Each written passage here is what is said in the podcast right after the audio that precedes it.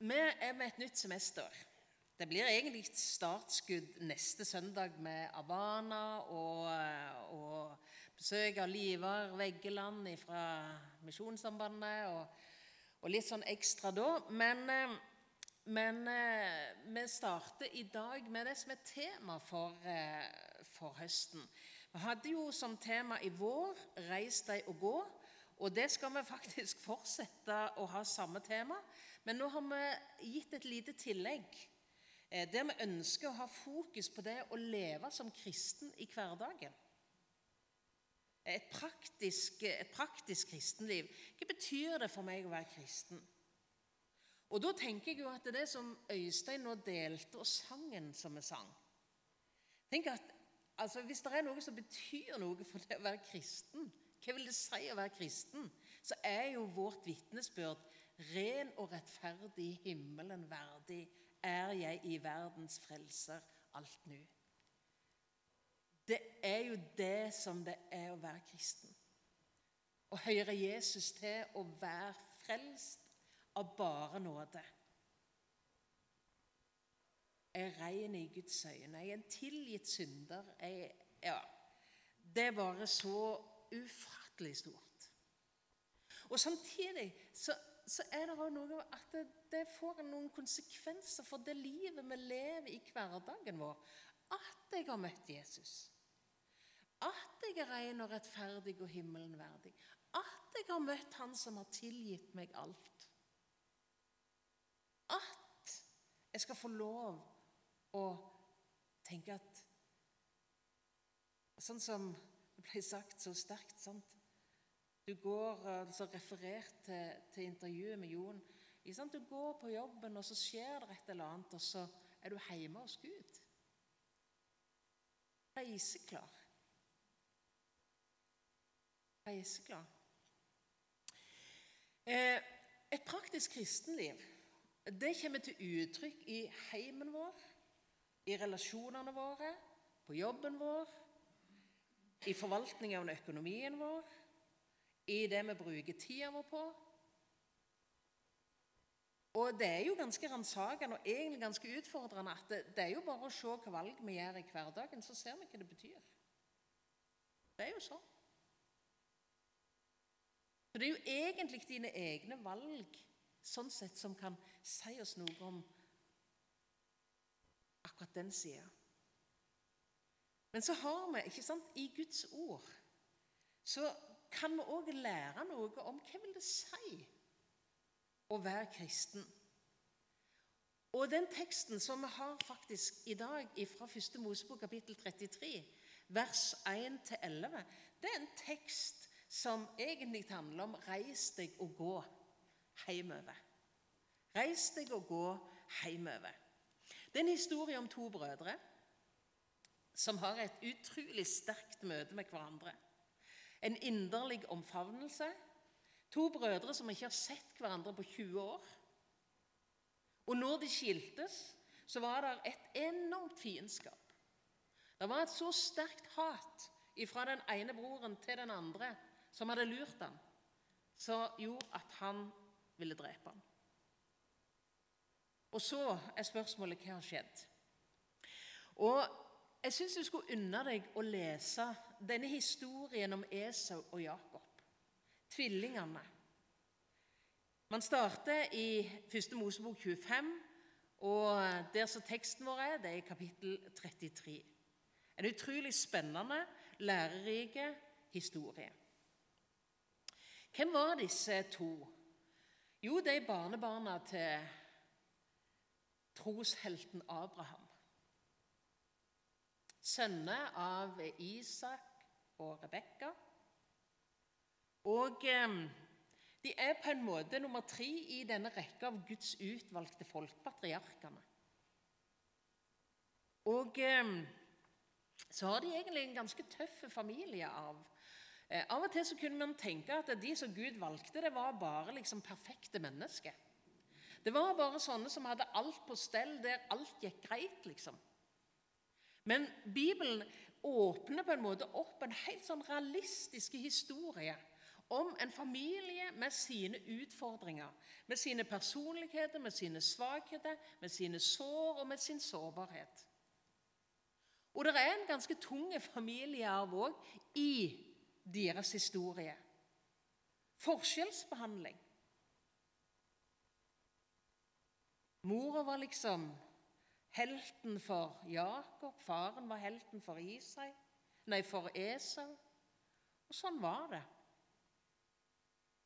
Og Hvis man leser historien her til disse første, så, så var det mye forskjellsbehandling. Mye lureri, løgn.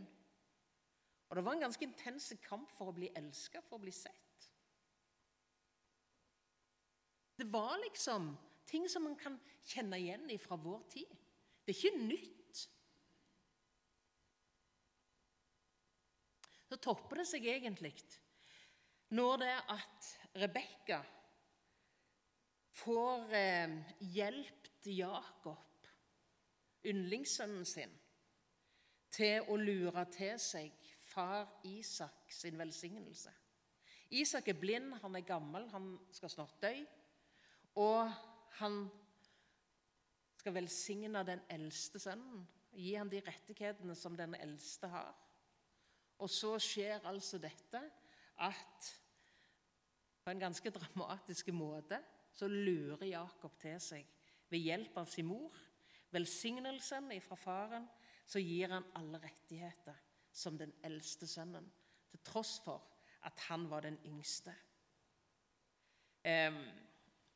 Jeg går ikke i detaljer på det her. Mange av dere kan historien, men om du trenger en liten repetisjon, så er boken å finne i heimen din, tror jeg.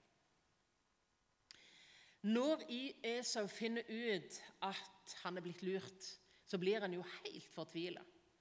Han blir rasende. Han legger broren sin for hat, og han tenker at eh, 'jeg skal ta livet av ham'. Orker ikke å se han her. Rebekka skjønner tegningen og gir beskjed til Jakob. 'Jakob, du må, du må flykte. Du må reise til morsfolket ditt. Du må reise hjem til Karan til morbror Laban og hans familie. Du må stikke av, for her er det farlig for deg å være.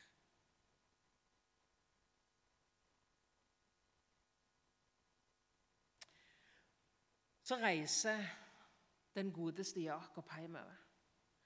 Og så syns jeg egentlig at det er så sterkt å legge merke til at, at Gud ser han. Gud vet adressen hans. Gud vet hva, hvor han er.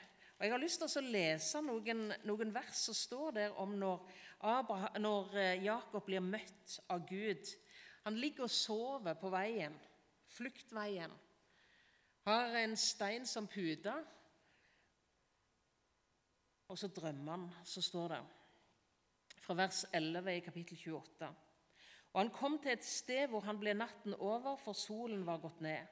Han tok en av steinene der på stedet og la den under hodet, og så la han seg til for å sove der. Da hadde han en drøm. Se, en stige var reist på jorden, og toppen nådde til himmelen. Og se, Guds engler steg opp og steg ned på den. Og se, Herren sto over den og sa, Jeg er Herren, din far Abrahams Gud og Isaks Gud. Det land hvor du nå ligger, vil jeg gi deg og din ett. Din ett skal bli som støvet på jorden. Du skal utbre deg mot vest og mot øst, mot nord og mot sør. Og i deg og i din ett skal alle jordens slekter velsignes. Se, jeg er med deg og vil bevare deg hvor du går, og jeg vil føre deg tilbake til dette landet. For jeg vil ikke forlate deg før jeg har gjort alt det jeg har sagt deg. Da Jakob våknet av sin søvn, sa han, sannelig Herren er på dette sted, og jeg visste det ikke. Gud er trufast imot sine løfter. Stor er din trofasthet. Til tross for sånn som vi mennesker er, opptrer, så er Gud trufaste imot sine løfter. Det syns jeg denne historien viser så aldeles tydelig. Ennå til nå så blir Jakob på flukt, minnet om hvem Gud har kalt han til å være og bli. og det han vil gi ham. Vi skal komme litt tilbake igjen til det. Og så blir det 20 år hos morbror Laban. En eh, ganske spennende historie. Jakob han blir gjeter for eh, Laban sånn i utgangspunktet. Eh, han forelsker seg. Han blir lurt i stry. Blir gift med Lea og med Rakel. Han tjener sju år for hver av dem, og etter hvert blir han en rik mann. Han får elleve sønner. Sistemann han blir født etter at han har reist ifra Laban, Benjamin. Etter 20 år her hos Laban så kommer Gud igjen til Jakob, og så sier han, 'Venn' Det skal stå ikke 'ved' Men vend tilbake til ditt fedreland og til din slekt, og jeg vil være med deg. Gud kaller Jakob hjem igjen.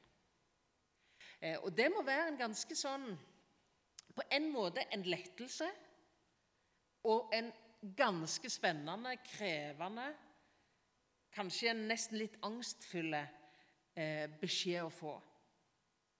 Møte med fortida Reise hjem igjen til Esau, som egentlig ville ta livet av ham.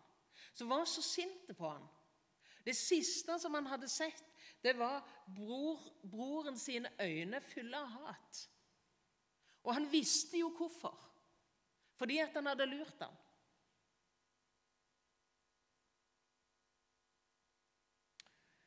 Jeg tipper at det var mange tanker som for gjennom Jakob sitt hode som fylte hans sinn og tanke og følelser når han var på vei hjem. Han brøt opp. Han reiste med hele sin store familie, den store budskapen som han hadde fått, og begynte på veien hjem igjen. Der som Gud kalte han til å gå, og som Gud hadde sagt at han skulle være med ham. Og Når vi leser i kapittel 32 i første Mosebok, så leser man om en enorm kamp som Jakob har med Gud. Der han møter Guds engel, og det, og det skildres ikke sant, en slåsskamp. Eh, møte med fortida. Det å ydmyke seg. Det er dypest sett en kamp med seg sjøl, en kamp med Gud. Um, det står i profeten Hosea kapittel 12 vers 5 om Jakob, om denne situasjonen, så står det at han kjempa med engelen og vant. Han gråt og ba om nåde. Har dere sett noen som gråter og ber om nåde, som seirer? Man har sett folk som taper. ikke sant? De gråter og ber om nåde. Men folk som vinner, jeg har sikkert betrodd dere dette før, men det får bare stå til. Når jeg gikk på barneskolen hjemme på Varhaug, så var det en gutt i klassen min som eh, skulle banke meg. Men han hadde forrekna seg litt. For ei sånn jente fra en gard kan være ganske sånn eh, Ikke helt lett å komme ut med, altså. Sånn at når han skulle banke meg Vi begynte å slåss. Ikke sant? Det står hele klassen rundt. Ikke sant? Og så banket jeg han. Og det er jo nesten sånn at jeg har en god følelse inni meg når jeg forteller det nå òg. Altså seiersfølelsen. Hæ?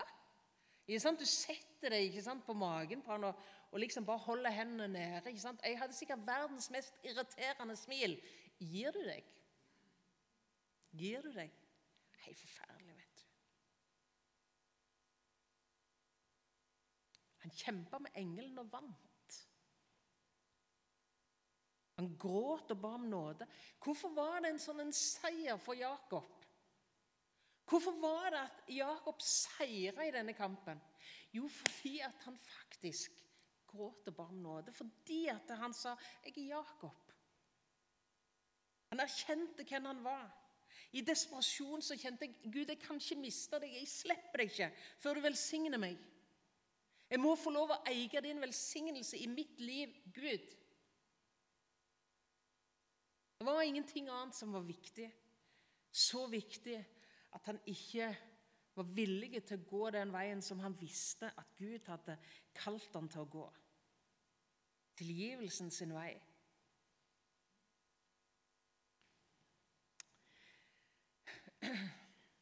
Så begynner vår tekst i kapittel 33.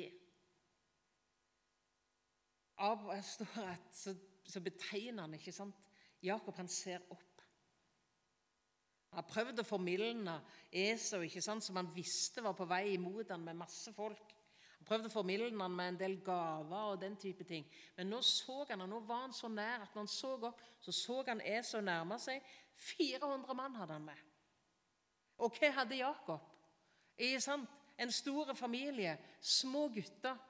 En budskap som hadde gått langt og lenge og født underveis. Han hadde ingenting å stille opp med. Hvis Esau ville han stå han etter livet, så hadde han ingen sjanse. Ingen sjanse hadde han.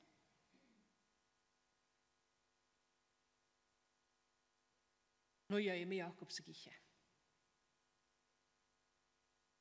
Nå plasserer han familien sin bak seg. Så går han sjøl først, tar det ansvaret, så går han i møte med broren sin. Og Da er det ikke med noen store faner om førstefødselsrett som han hadde lurt ifra seg. Da er det ikke en eh, tilsvarende vimpel med farens velsignelse. Men Da er det en ydmyk bror som bøyer seg sju ganger til jorda i respekt, i ydmykhet for sin bror.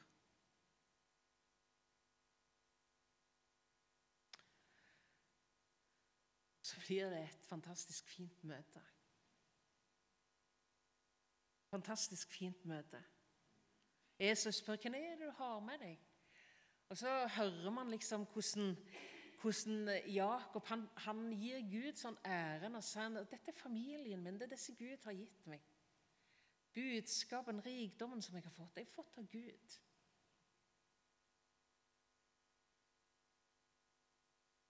Jakob han møtte et ansikt av nåde og sannhet.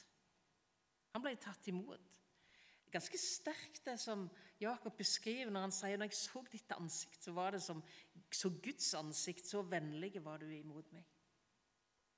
Tilgivelsen. Tilgivelsen. Forsoningen.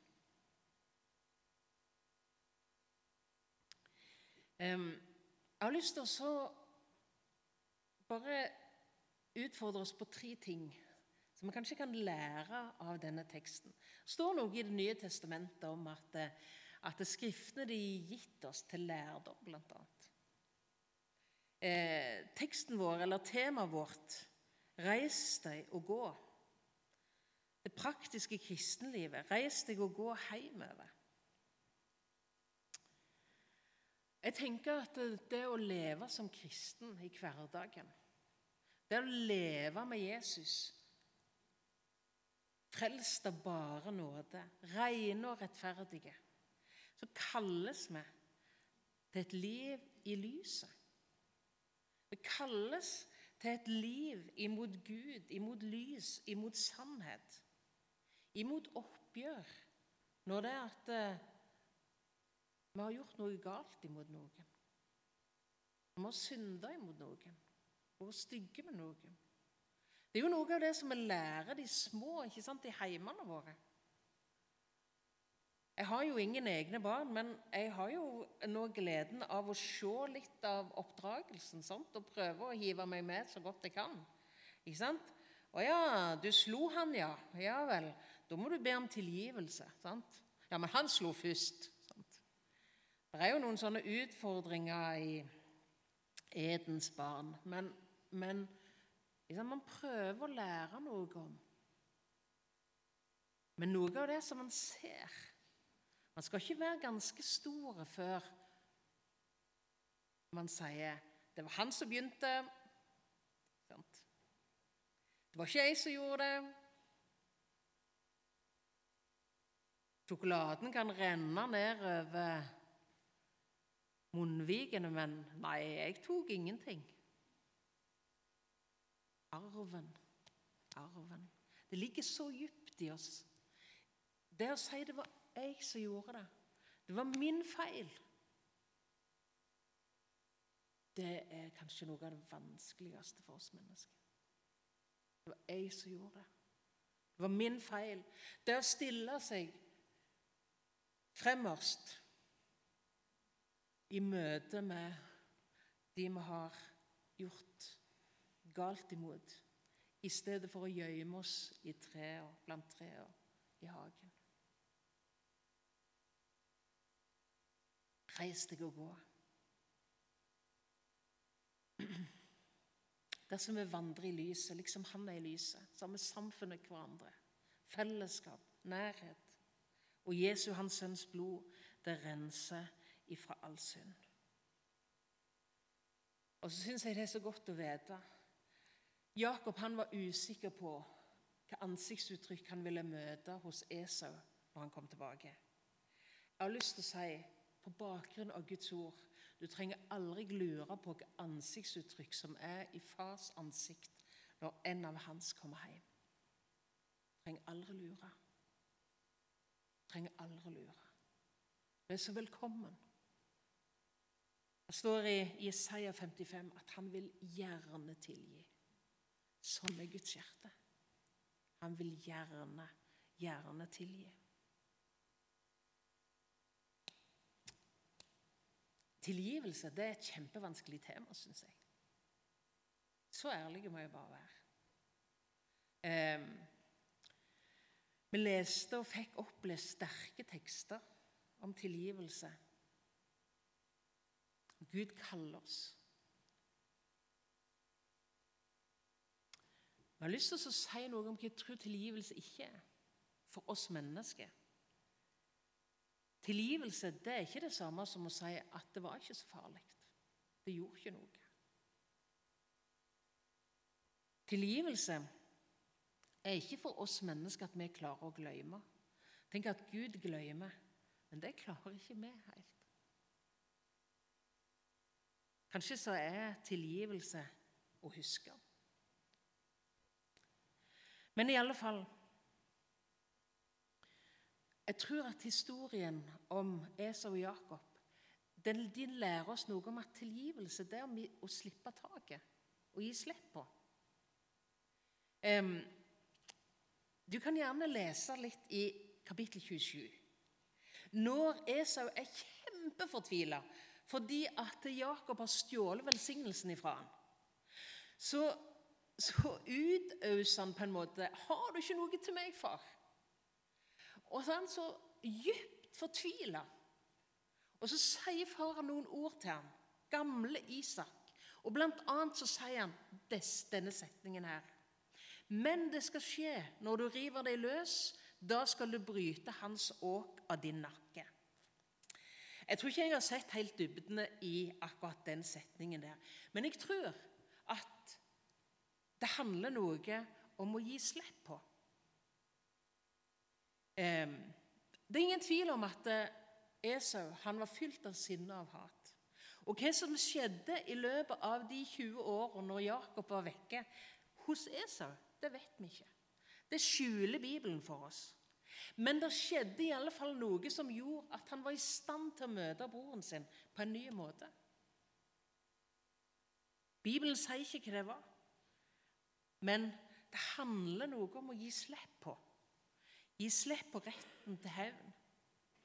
En har sagt at um, det å, bære en bitterhet det er som å drikke en gift som en ønsker at ens fiende skal dø av. Utrolig sånn ødeleggende for ens eget liv. Tilgivelse. Og så er kanskje den store hemmeligheten å få lov å kjenne på det som en sjøl er tilgitt. Det som en sjøl er tilgitt. Men jeg tror i, i respekt for hvor vanskelig det enkelte ganger kan være å kjenne på en sånn følelsesmessig tilgivelse eh, når en har blitt utsatt for urettferdighet og vondskap. Tilgivelse kan aldri kreves. Tilgivelse kan gis. Tilgivelse og tillit er ikke nødvendigvis det samme. Tillit kan bygges om en får sjansen til det. Vi har lyst til å utfordre oss i Ja, hva skal jeg si At dette er noe som, som vi kanskje kan snakke med Gud om. For vår egen del, for våre egne liv. Man kan få lov å leve i det lyset fra evangeliet, der en kjenner at jeg er mye tilgitt. Tenk alt jeg er blitt tilgitt. Og så be at Gud kan arbeide med hjertene våre, sånn at vi kan møte hverandre med sannhet, oppgjør og tilgivelse. For en forløsning det er i en heim, i et fellesskap, et, blant mennesker. Når det er at eh, man kan få møte hverandre. Ikke for at det som på en måte var galt, plutselig skal bli rett, men for at der det var avstand, kan det bli nærhet. Men dette er vanskelig. og Jeg tenker iallfall for min del Jeg kan godt være så ærlig og si at det er ting i mitt liv som jeg har jobba i mange år med å tilgi. Av og til er det en lang prosess, følelsesmessig og for ting, for, for, Men det går an å snakke med Jesus om det underveis. Det går an å snakke med Jesus om det underveis, og det går an å høre Jesus til underveis. Og så til slutt Gud er trufast. Det roter seg til med oss mennesker av og til. ikke sant? Det gjør det. Vi sårer vi såres. Går litt i hytt og vær. Vi trenger å bøye oss, vi trenger å tilgi, og vi trenger å bli tilgitt. Jeg tenker at Gud han er alltid trufast. Gud han er full av nåde og sannhet. Og så syns jeg egentlig at det der bildet der det var litt for sånn idyllisk på et vis. Var, men samtidig så tenker jeg det skulle hatt et kors, det bildet. Og så tenkte jeg, Skulle det korset stå helt nederst i trappa, eller skulle det stå øverst? Vet ikke hva du syns. Nederst eller øverst? Men så kom jeg, jeg meg egentlig på at det bør egentlig stå med alle trinna. Det bør egentlig stå med alle trinna, for det er jo det som fyller oss. sant? Det er det som fyller oss. Jesu kors. La oss aldri glemme at den tilgivelse som vi er helt avhengig av, den hadde en pris som vi aldri kan forstå. Du kan aldri forstå hva det koster Gud å tilgi deg. Du vil aldri fatte det. Jeg fatter det ikke. Jakob forsto nok ikke så veldig mye i drømmen sin. Herren er på dette stedet, visste ikke. Betel. Jeg har lyst til å si Herren er på dette sted i dag. Herren er på dette sted i dag. Han er rik nok for alle. Rik på nåde. Rik på miskunnhet. Rik på trøst. Kjære Jesus. Det å tilhøre deg, det er det største av alt. Takk for at det er sant om den som har bruk for deg at den er ren og rettferdig og himmelen verdig. Det er ingenting som mangler Jesus, og det bare lover vi og takker vi deg for. Og så Jesus, så vet du òg om at når det gjelder det å leve som et kristent menneske i hverdagen, i møte med de som står oss nær, og i møte med de som er litt fjernere, i vår tjeneste for deg og i hele vårt liv, Jesus, så trenger vi sånn din nåde. Vi trenger sånn evangelie som på en måte kan dra oss inn til ditt kors inn i takknemlighet imot hva vi sjøl er tilgitt, og gi oss Jesus. Gi oss Jesus en, en, en sannhetserkjennelse av hva du har gjort og gitt oss. Og la den sannhetserkjennelse og den, den tilgivelse og den erfaring av din kjærlighet og omsorg, Jesus, la den prege våre møter med våre medmennesker, Jesus. La oss få lov å vokse i nåde og kjennskap til deg, Jesus. Så ber jeg for oss som enkeltmennesker, jeg ber for oss som forsamling. Jeg ber deg, Jesus, om at de ting som fyller med, der de ånd nær, der de ånd er virksom, jeg ber om at det må leve i våre hjerter og i vårt fellesskap. Kjære gode Jesus, ber om din velsignelse. Ber om ditt lys, ber om din sannhet, og ber Jesus om denne gode forsoning, den gode nærhet vårt forhold til deg og i vårt forhold til hverandre. Amen.